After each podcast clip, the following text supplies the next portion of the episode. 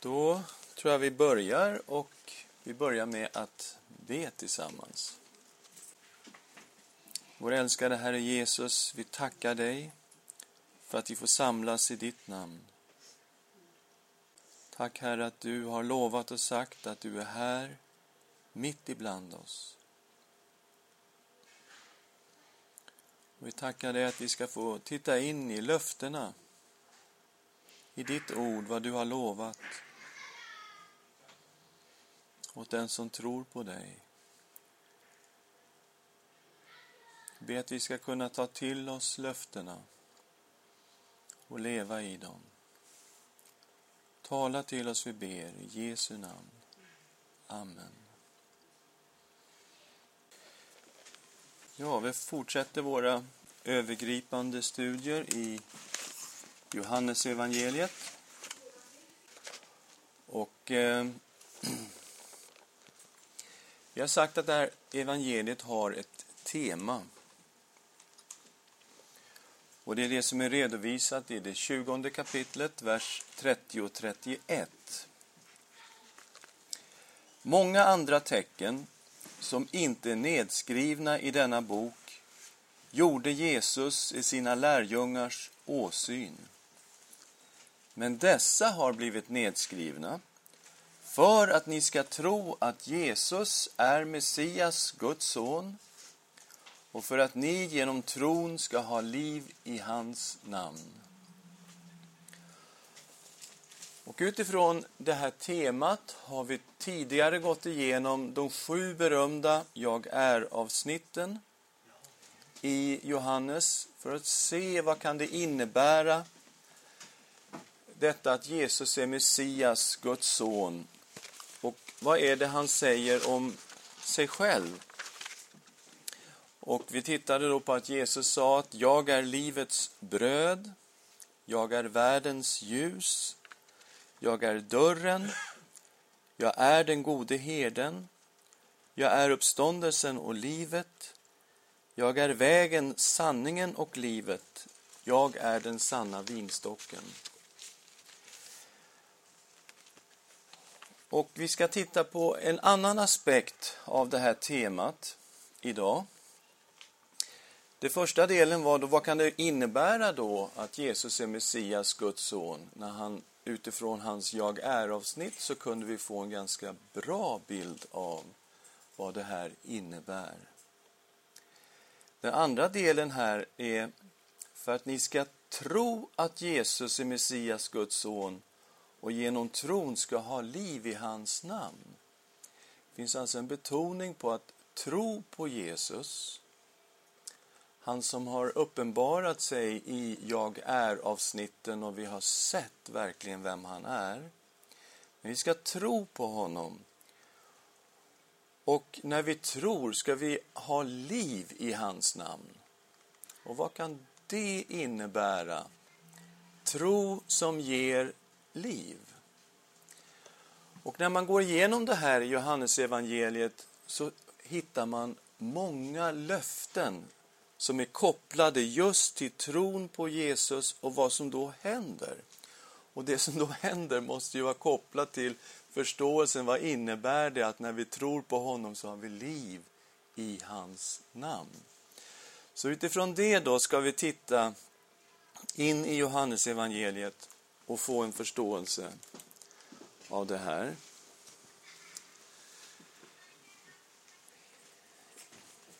I första kapitlet har vi detta, vers 12 och 13. Mot alla som tog emot honom gav han rätt att bli Guds barn åt dem som tror på hans namn.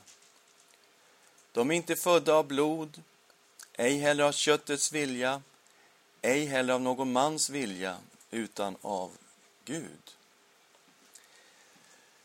Så Jesus beskrivs här som det sanna ljuset, det som lyser över alla människor, han som skulle komma in i världen.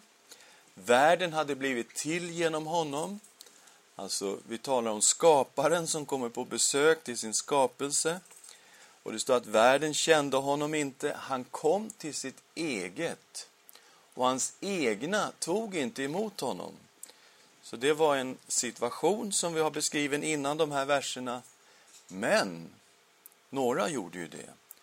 Och de som tog emot honom, de fick bli Guds barn. Jesus gav dem rätt att bli Guds barn. Och det är de som tar emot Jesus och som tror på hans namn som blir Guds barn. Från att inte ha varit det så blir man alltså Guds barn när man kommer till tro på Jesus Kristus. Och det står att de är födda inte av blod och det är en viktig distinktion. Man kan alltså inte säga ja, men jag är Abrahams barn fysiskt. Alltså är jag ett Guds barn. Den kopplingen räckte inte. Man måste också ta emot Jesus Kristus som sin Herre och Frälsare. Eller man kan inte säga min mamma och pappa är troende. Därför blev jag en troende. Därför blev jag Guds barn. Det går inte. Det är inte av blod som man är född av Gud. Det är inte av köttets vilja, alltså inte genom egna ansträngningar, min egen förträfflighet, min förmåga att lyda Gud och hålla hela Guds lag. Det är inte av köttets vilja. Det är inte av någon mans vilja. Det är inte så att det finns någon annan människa här på jorden som kunde göra mig till ett Guds barn. Ingen präst har den förmågan, ingen påve, inte någon människa kan göra mig till Guds barn. Utan de här är födda av Gud. Bara Gud kunde göra mig till ett Guds barn. Så det handlar om att ta emot Jesus, tro på Jesus. Då blir man född av Gud och genom en födelse blir man Guds barn. Och det låter ju ganska självklart att man blir barn till någon genom födelse. Och det är alltså bara Gud som kan åstadkomma det här undret i en människas liv. Inte jag själv, ingen annan människa och inte därför att jag skulle vara född i en viss situation eller familj.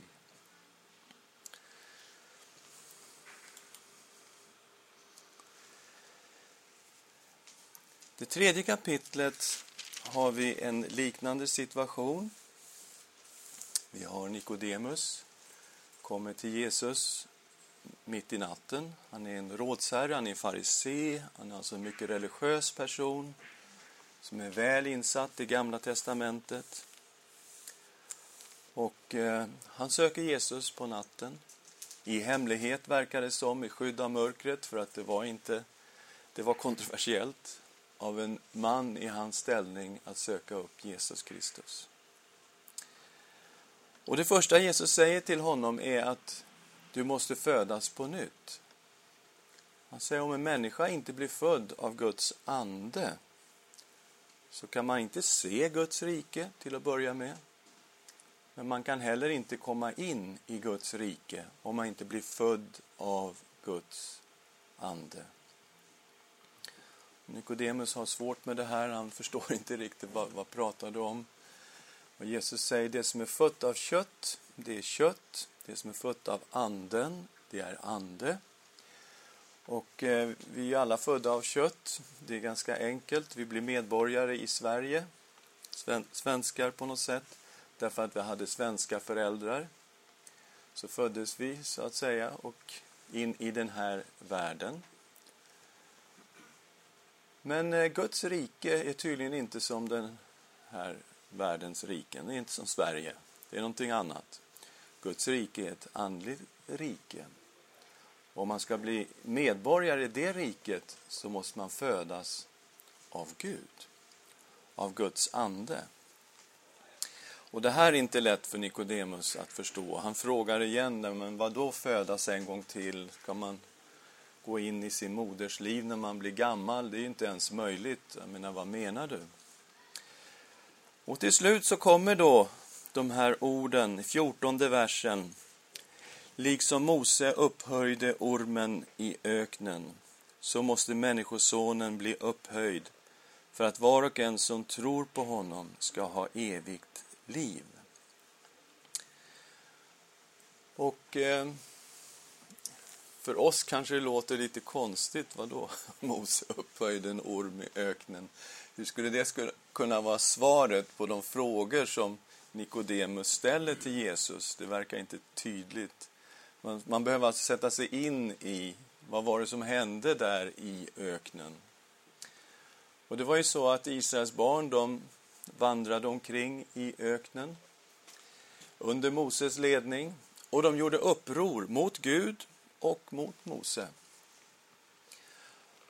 Och på grund av sin synd så kom det ett straff över folket. Giftiga ormar kom in bland människor, de blev bitna och flera dog. Och när de såg det här, då förstod de att okej, okay, vi har gjort fel, vi har syndat. Och de ångrade sig. Och de sa till Mose, kan inte du be till Gud att han tar bort de här ormarna? Och då gjorde Mose det. Han bad till Gud. Och Gud sa till Moses, så här ska du göra. Du ska sätta upp en kopparorm jättehögt, väldigt högt så alla kan se den. Och alla som ser upp i tro på den här kopparormen, de kommer att bli helade. Även om de har blivit bitna av ormar. Ja, tänker man, det måste finnas något mer i det här. Det räcker inte riktigt för att vi ska förstå vad Jesus säger. Okej, okay. det finns en botten bakom det här. Vi är alla bitna av en orm. Ormens gift finns i allesammans och vi kommer alla att dö. Alltså ormen som kom till Adam och Eva, hans gift finns i allesammans och vi kommer alla att dö. Vi är bitna av en orm alltså. Och syndens lön är döden, säger skriften. Så vi är i en ganska dålig situation. Men som Mose lyfte upp ormen i öknen, så måste Människosonen lyftas upp. För att var och en som tror på honom ska ha evigt liv. Det finns alltså ett botemedel mot det här giftet. Och det finns i den som i tro ser upp till Jesus Kristus. Då sker undret. Vi blir helade, förlåtna och vi får evigt liv. Vi läser vidare, ty så älskade Gud världen att han utgav sin enfödde son för att var och en som tror på honom inte ska gå förlorad utan ha evigt liv. Inte sände Gud sin son till världen för att döma världen utan för att världen skulle bli frälst genom honom. Den som tror på honom blir inte dömd, men den som inte tror är redan dömd eftersom han inte tror på Guds enfödde Sons namn. Så här ser vi ju att människan börjar så att säga i ett väldigt minusläge. Den som inte tror är redan dömd eftersom han inte tror på Guds infödde Sons namn. Och den som tror på honom behöver inte gå under, inte förlorad.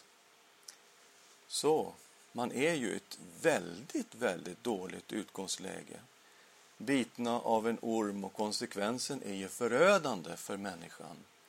Att man lever i synd som inte tas hand om, som inte har någon lösning. Men löftet är då till den som ser upp i tro på Jesus Kristus. Syndernas förlåtelse, evigt liv. Det är löftet till den som tror på Jesus.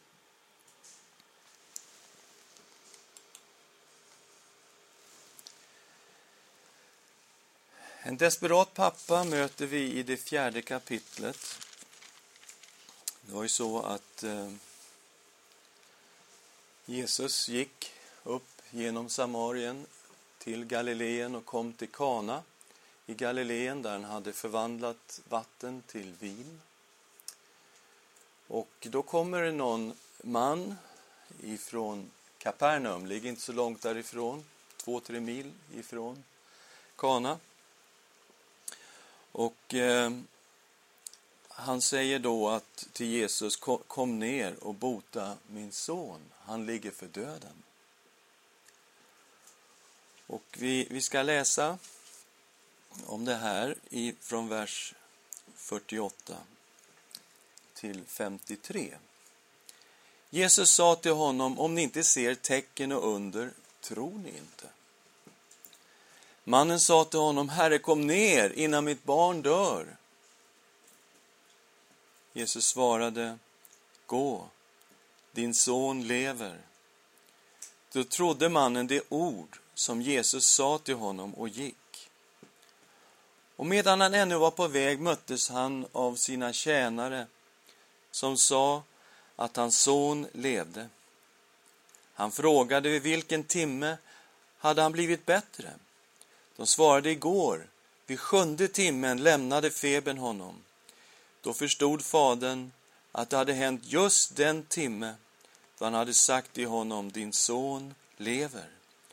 Och han själv och hela hans familj kom till tro. Och ibland så undrar man lite grann hur Jesus kan testa människor på det här sättet.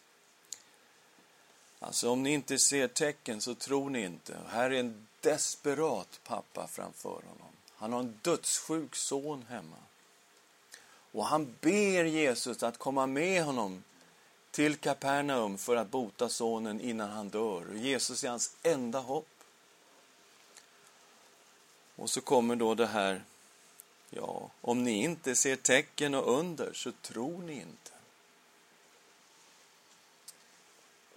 Och eh, tyvärr är det så med så många av oss människor att om vi inte ser tecken och under från Jesus så tror vi faktiskt inte.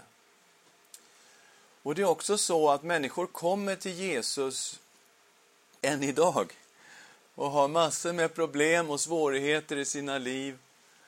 Och blir man hjälpta så säger man tack och adjö. Det här är oss, så, så här är vi människor. Och ibland så testar Jesus människors tro. Han knuffar dem till det yttersta. Till desperationens brant. Och den här mannen, han, han bara liksom... Herre, kom ner innan mitt barn dör. Och då kommer Jesu ord. Okej, okay, du vet nog inte riktigt vem jag är. Men eh, okej okay då. Gå, din son lever. Jag behöver inte komma ner, jag behöver inte träffa honom. Jag vet precis allting om den här situationen. Jag vet allt om din son, jag vet allt om den sjukdom han ligger i. Och jag säger ett ord. Och eh, nu testas din tro. Jag kommer inte gå ner med dig, men jag säger ett ord. Så får vi se hur du tar emot det här ordet. Då trodde mannen det ord som Jesus sa till honom och gick. Undret hände och han och hans familj kom till tro på Jesus Kristus.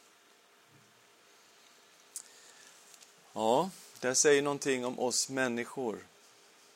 Men det fantastiska är att när Jesus prövar människor till det yttersta så brukar frukten bli väldigt bra. Jag brukar alltid tänka på den kananeiska kvinnan där som ja, kommer då, hennes dotter är sjuk. Liksom. Och, och Jesus han, eh, ja, verkar inte bry sig. Liksom. Han, ja, jag är bara sänd till Israels barn och man ska inte ta brödet från barnen och ge det åt hundarna. Jag menar, han säger ju saker som är helt otroliga. Och kvinnan, hon, hon bara håller fast. Säger, ja men hundarna, de äter ju smulorna från den rike mannens bord. Och han testar den här kvinnan så långt. Man tänker, vad gör Jesus? Är det här min Jesus? Är det här evangeliernas Jesus vi pratar om? Man ska se på frukten. Den här kvinnan, hon hennes tro testades till det yttersta och den höll och undret skedde. Det finns ett uttryck, lätt fånget, lätt förgånget. Och ofta är det så Jesus handlar med oss. Han kan testa oss oerhört långt för att tron ska renas och att den ska bli personlig och riktigt djupt rotad i våra hjärtan.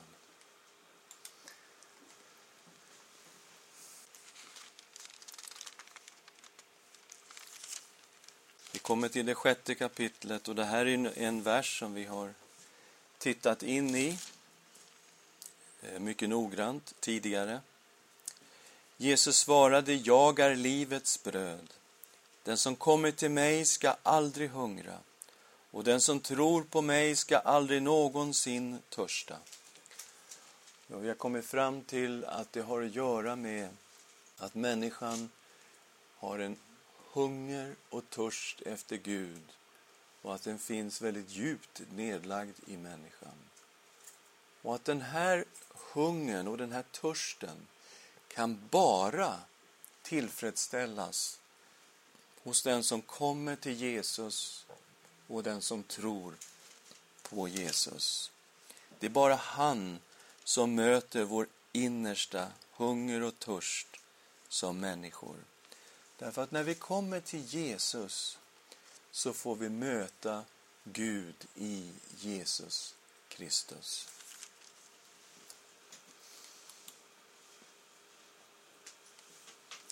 Jaha, nu ser jag att jag ligger... Jag har alltså inte följt mina egna notes riktigt bra. Mm. Men då backar vi upp till det femte kapitlet. Eh, och tittar på det också. Det femte kapitlet, vers 24-25. Enorma löften till den som tror på Jesus och tror på Fadern.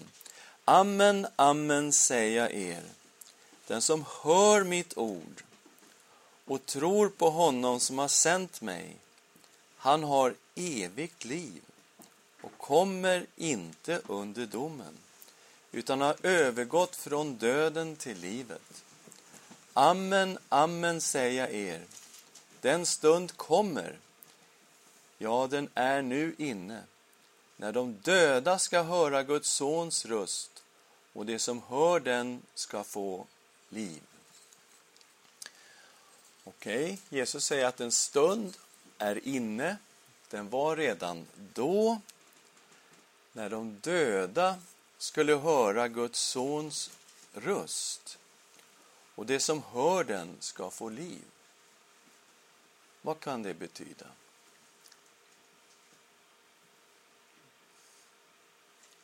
Var de som stod där framför Jesus döda i någon bemärkelse? Att de levde, det förstår vi ju. Fysiskt, de sprang ju omkring där, de kunde ju tala och se. Men var de på något sätt döda? Vad säger ni om den? Deras tro kanske var död. Tron var död. Okej, okay. något annat? Ja. Dödsdömda. Dödsdömda, absolut. Det fanns ett livsfarligt gift som skulle få den konsekvensen. Syndens lön är döden, så det kan man ju säga. Något mer? Var de andligt döda?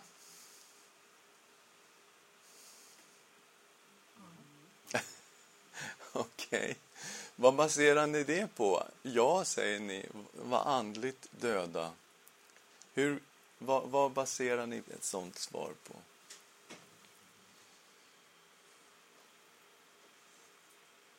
Man kan höra Jesus på två sätt.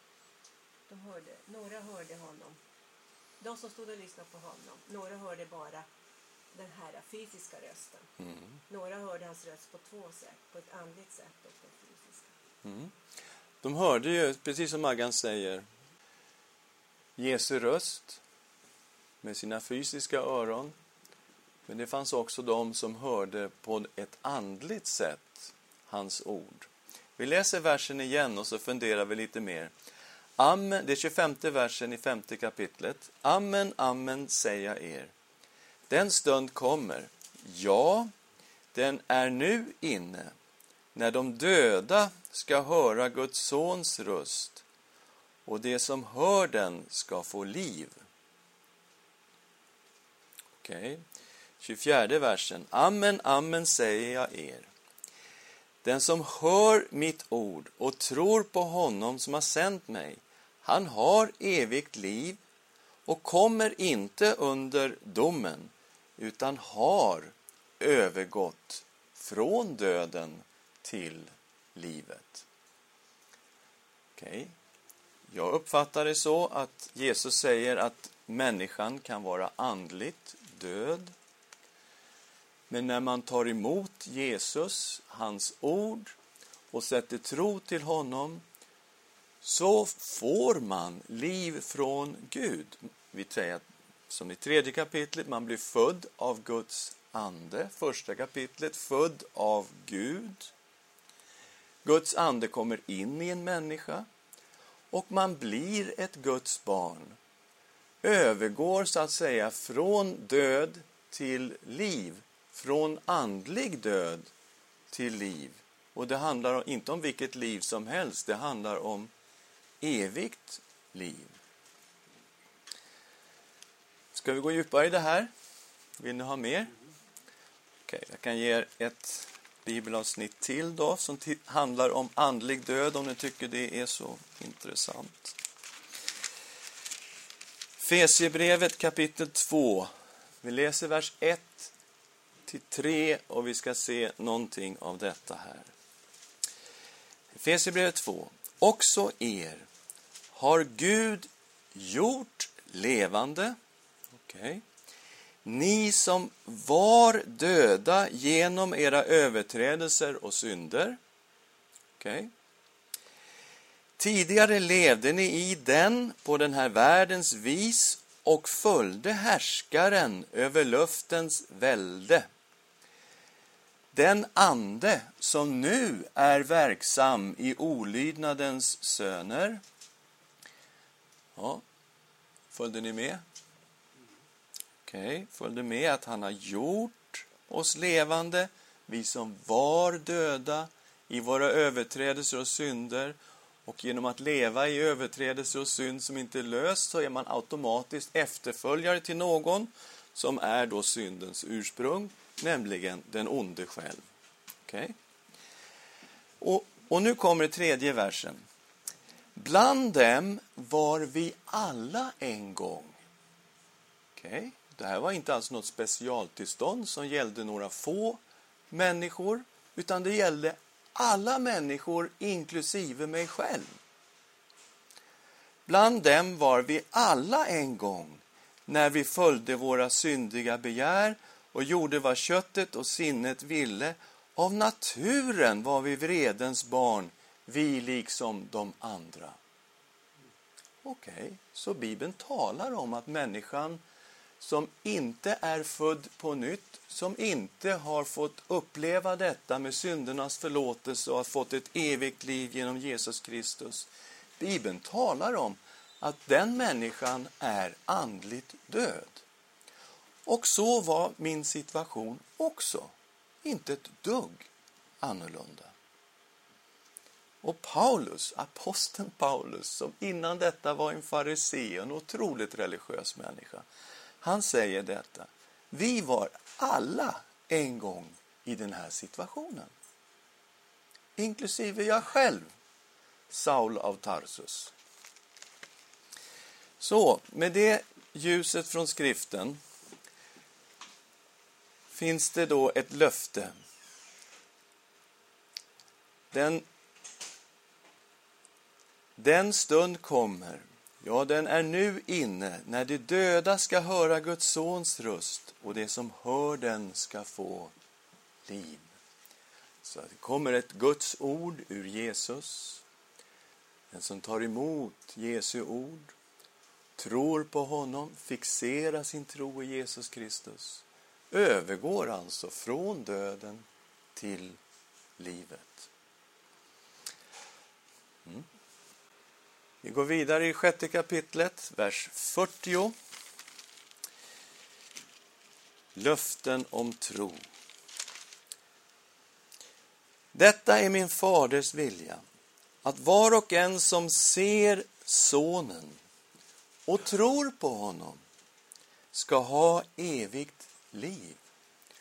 Och jag ska låta honom uppstå på den yttersta dagen. Alla som ser vem Jesus är, vem är han? Han är Messias, Guds son. Det är det evangeliet säger hela tiden och säger från olika håll och beskriver innebörden i detta. Alla som tror på Jesus, ser honom och tror på honom, ska ha evigt liv.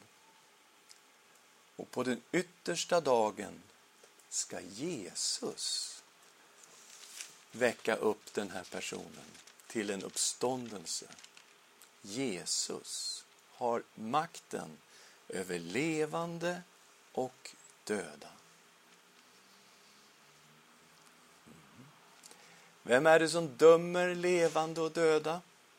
Fadern dömer ingen, säger Jesus i femte kapitlet. Han har överlåtit all dom till Sonen.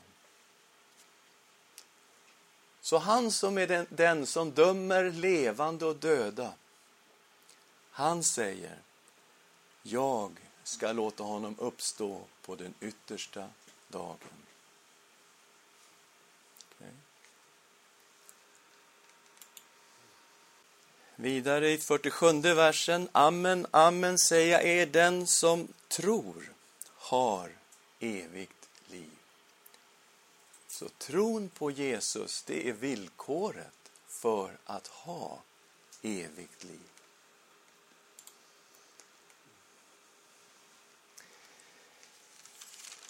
Han är livets bröd. Den som kommer till honom ska aldrig hungra, den som tror på honom ska aldrig någonsin törsta. Han är alltså Guds bröd som har kommit ner från himlen för att ge världen liv. Men han ger också dryck till alla som törstar. Och det ser vi i det sjunde kapitlet. Vi går inte in i sammanhanget här. Det är ett starkt sammanhang varför Jesus ropar just så här. Ehm, på den 37, eh, i, i 7.37, på den sista dagen, den största i högtiden, stod Jesus och ropade Om någon törstar, så kom till mig och drick. Den som tror på mig, ur hans innersta ska strömmar av levande vatten flyta fram, som skriften säger. Detta sa han om anden, som det skulle få som trodde på honom. Ty anden hade ännu inte blivit utgjuten, eftersom Jesus ännu inte hade blivit förhärligad. Om någon törstar, vart ska vi gå? Vart går vi med vår törst? Ja, vi går till Jesus. Han kan ge helig ande. Levande vatten. Så man dricker av den här anden som Jesus ger, så blir det en källa som springer upp med evigt liv. Det blir strömmar av levande vatten. Bara Jesus kan ge helig ande.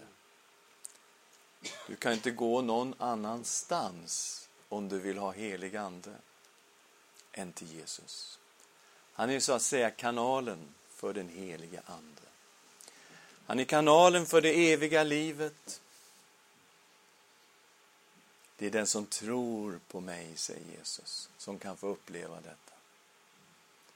Så han är en ände som vi kan gå till för att få helig ande. Och den som törstar vart går vi med vår törst? Jesus. Jesus.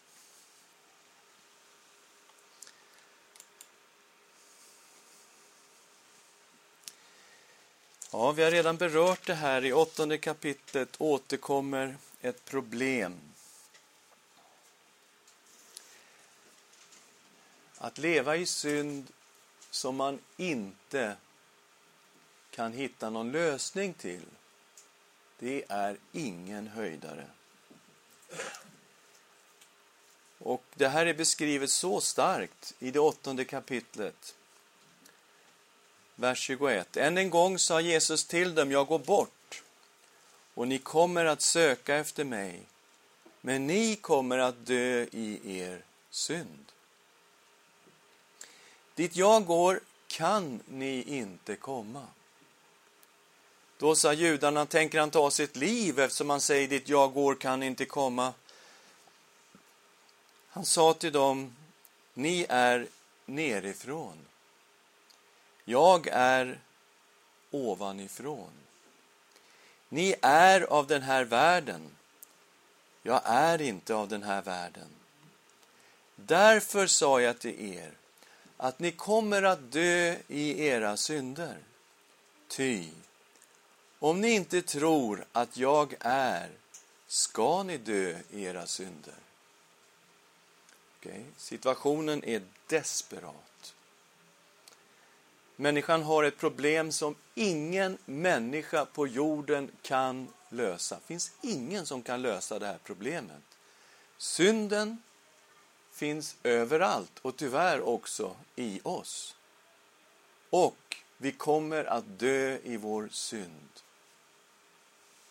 Och resultatet, ni kan inte komma dit jag går.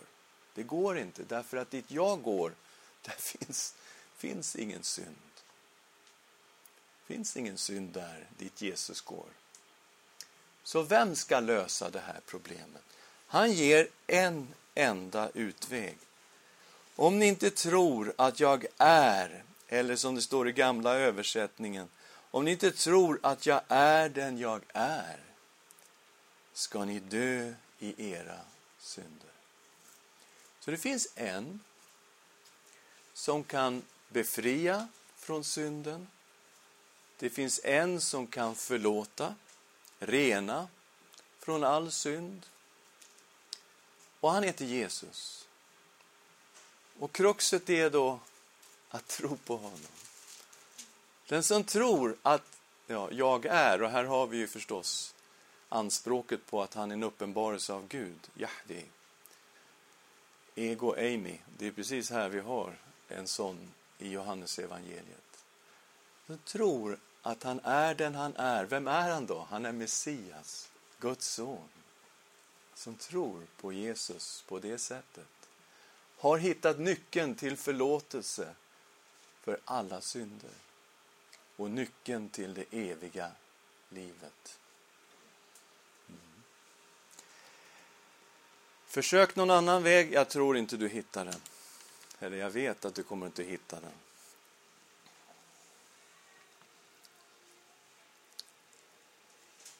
Genom tron öppnar Jesus våra blinda ögon så att vi kan se honom.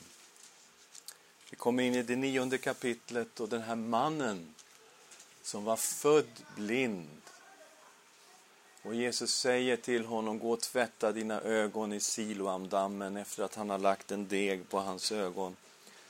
Och han går dit, han blir helad, han kan se. Och det finns ju de i det här kapitlet som är fullständigt blinda. Fariseerna, som redan hade bestämt i sina hjärtan att Jesus måste vara en syndare eftersom det här skedde på sabbatsdagen. Och så har vi den blinde mannen i det här kapitlet som är den som var blind men fick sina ögon öppnade. Och vi kommer fram här till 9.35. Jesus fick höra att de drivit bort honom. Och när han fann honom sa han, tror du på Människosonen? Han svarade, vem är han, Herre? Tala om det så jag kan tro på honom. Jesus sa, du har sett honom. Den som talar med dig, han är det. Då sa mannen, jag tror, Herre. Och han tillbad honom. Jesus sa, till en dom har jag kommit i världen, för att de som inte ser ska se och för att de som ser ska bli blinda.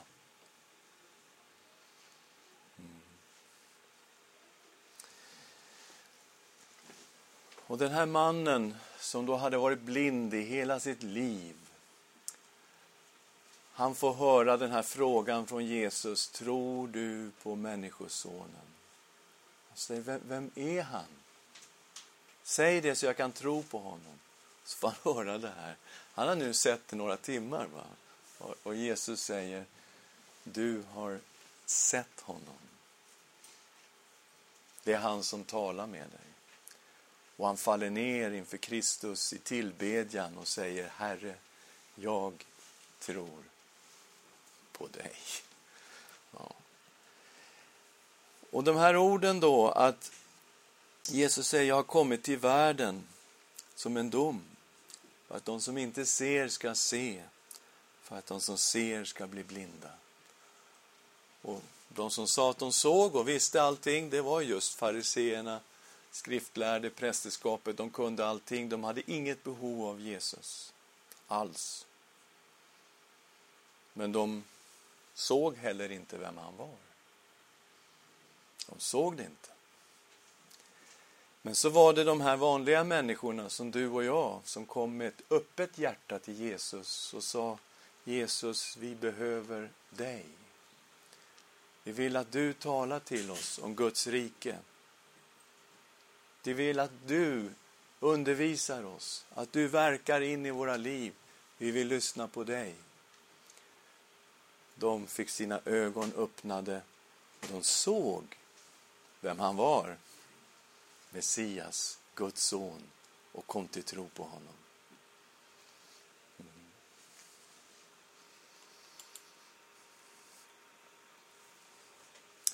Tionde kapitlet. Och vi har här Jesu ord till de får som följer honom. Och vi läser ifrån vers 24. Då samlades judarna omkring honom och frågade hur länge vill du hålla oss av ovisshet? Om du är Messias, så säg det öppet till oss. Jesus svarade, jag har sagt det, ni tror eh, att ni in, inte, och ni tror det inte.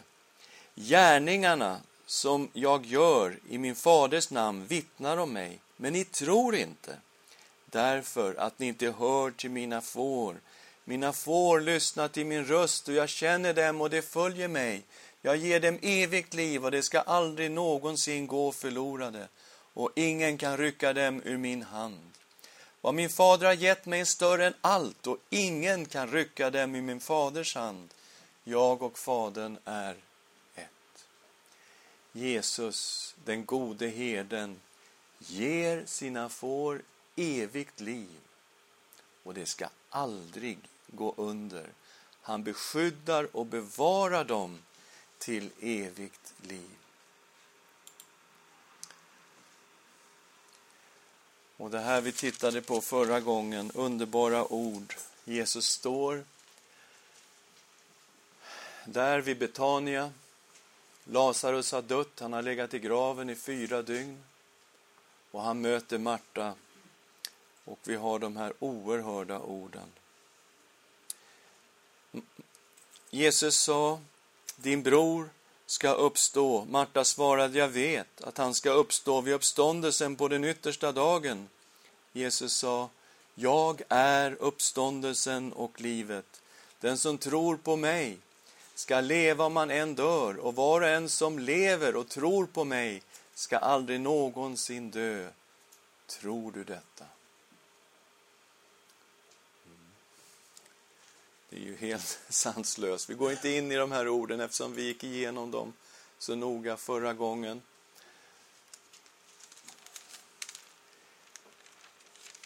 Jesus, världens ljus. Den som följer honom ska inte vandra i mörkret utan ha livets ljus. Och vi har det igen i det tolfte kapitlets 36 vers, att tro på Jesus. Tro på ljuset medan ni har ljuset så att ni blir ljusets barn. När Jesus hade sagt detta drog han sig tillbaka och dolde sig för dem. Det är så starka ord, men vi har alltså inte tid här att gå in i dem. Slutet av det tolfte kapitlet, som är det sista som Jesus ropar under sin offentliga verksamhet. Det absolut sista han ropar. Jesus ropade, den som tror på mig. Han tror inte bara på mig, utan på honom som har sänt mig. Och den som ser mig, han ser honom som har sänt mig. Så vem är Jesus? Ja, han är en uppenbarelse av Gud. Den som tror på Jesus tror på Fadern. Den som ser Jesus ser Fadern.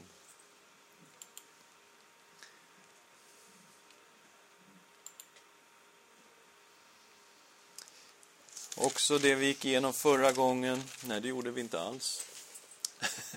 14 kapitlets första till tredje vers. Låt inte era hjärtan oroas. Tro på Gud och tro på mig. I min faders hus finns många rum. Om det inte vore så, så skulle jag sagt er att jag går bort för att bereda plats åt er. Och om jag än går bort och bereder plats åt er ska jag komma tillbaka och ta er till mig för att ni ska vara där jag är. Och här är vi ju mitt inne i avskedstalet. Och det är därför som han talar om att han ska gå bort. Därför säger han att deras hjärtan inte ska oroas. Men utan de ska tro på Fadern. De ska tro på Jesus. Och här finns löfte om evigt liv. Han säger i min faders hus finns många rum. Det är dit jag är på väg, till Fadern. Det är som ett jättestort hus med massor med rum, massor med plats. Och om det inte var plats så skulle jag gå dit och bereda plats åt er. Han lovar en plats i Faderns hus till alla som följer honom. Och han säger, jag ska komma tillbaka och jag ska ta er till mig. Jesus ska komma tillbaka. Och han kommer tillbaka för att hämta de troende. Han hämtar sin församling. Därför att han vill att vi ska vara där han är. Det här är underbara löften. Det är bara att vi inte har tid att titta på dem så noga. Löfte om bönesvar, löfte om stora gärningar. 14 kapitlets 12 vers. Amen, amen säger jag er. Den som tror på mig ska utföra de gärningar jag gör och större än dessa ska han göra, att jag går till Fadern. Och vad ni än ber om i mitt namn ska jag göra, för att Fadern ska bli förhärligad i Sonen. Om ni ber om något i mitt namn ska jag göra det. Okej, okay, så här är jättestarka löften på bönesvar när vi ber i Jesu namn att han ska göra det vi ber om. Och eh, vi har det igen i det femtonde kapitlet, vers 7. Och om ni förblir i mig och mina ord förblir i er, som be om vad ni vill och ni ska få det. Det finns alltså ett villkor här att förbli i Jesus, att förbli i hans ord. Och i första Johannes 5, 14 och 15, om vi ber efter no om något efter hans vilja så vet vi att han hör oss. Om han hör oss så vet vi att vi har det som vi har bett honom om. Så det finns villkor att be efter hans vilja, att förbli i Jesus och att hans ord förblir i oss. Men löftena om bönesvar är det starka till den som tror på Jesus Kristus. Och att göra de gärningar som Jesus gör och större, ja, det är någonting som är oerhört svårt att förstå, till och med när man tittar då på 2000 år av församlingens historia. Vad är detta? Och som jag sagt tidigare, det enda jag kommit på som skulle vara större på något sätt är alla dessa väckelser som sker över hela världen när folk efter folk blir berörda med evangelium och människor i tusentals, faktiskt miljontals kommer till tro på Jesus Kristus och får uppleva frälsningen i Jesus Kristus. någonting annat som skulle vara större, det, det kan jag inte ens i min vildaste fantasi komma på.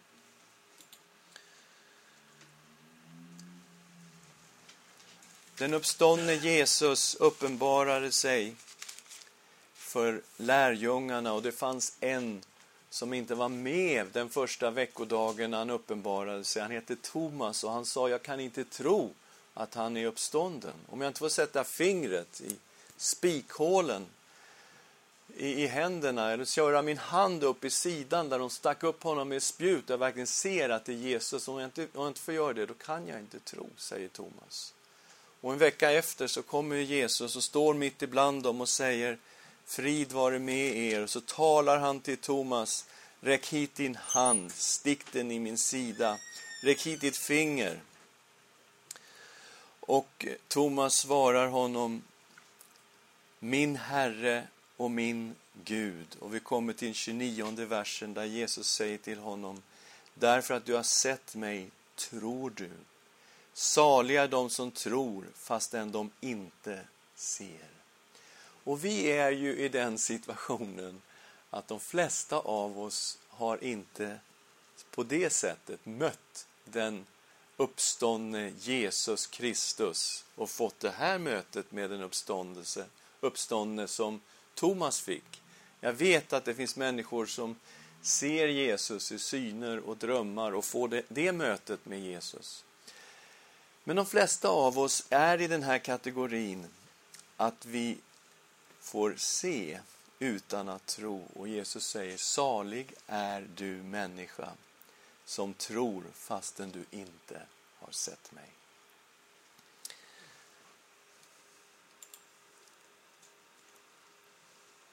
Och 31 versen, det var ju det som var temat i hela evangeliet. Men dessa har blivit nedskrivna för att ni ska tro att Jesus är Messias, Guds son, för att ni genom tron ska ha liv i hans namn. Och när vi tittar då på löftena i samband med tro på Jesus i Johannes evangeliet så är de ju väldigt starka. Han gav rätt att bli Guds barn åt alla som tror på honom. Den som tror på honom har evigt liv. En desperat pappa trodde Jesu ord och hans son helades. Den som hör Jesu ord och tror Fadern har övergått från döden till livet. Den som tror på Jesus får sin inre hunger mättad. Jag, Jesus ska låta den uppståndne, nej, den troende, förlåt, uppstå på den sista dagen. Den som tror på Jesus har evigt liv. I den som tror på Jesus ska det flyta strömmar av levande vatten och det handlar om Anden. Den som tror att Jesus är jag är slipper dö i sin synd. Genom tron öppnar Jesus våra blinda ögon så att vi kan se honom. Jesus ger evigt liv till sina troende efterföljare.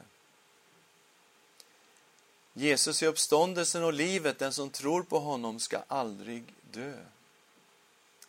Den som tror på Jesus blir ljusets barn.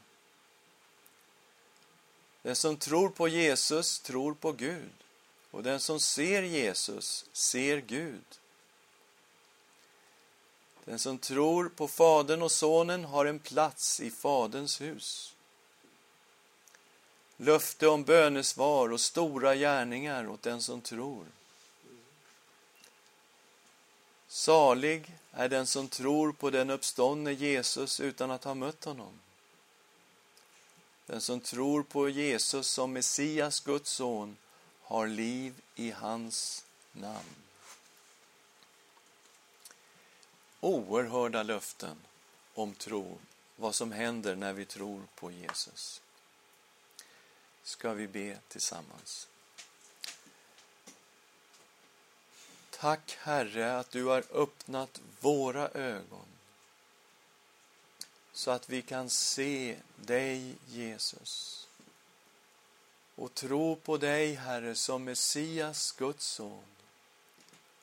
Och tack, Herre, för de under som du har utfört i våra liv. Pånyttfödelse, syndernas förlåtelse, evigt liv och att du bor i oss genom din Ande. Tack, Herre, att vi får vara dina efterföljare. I Jesu Kristi namn. Amen.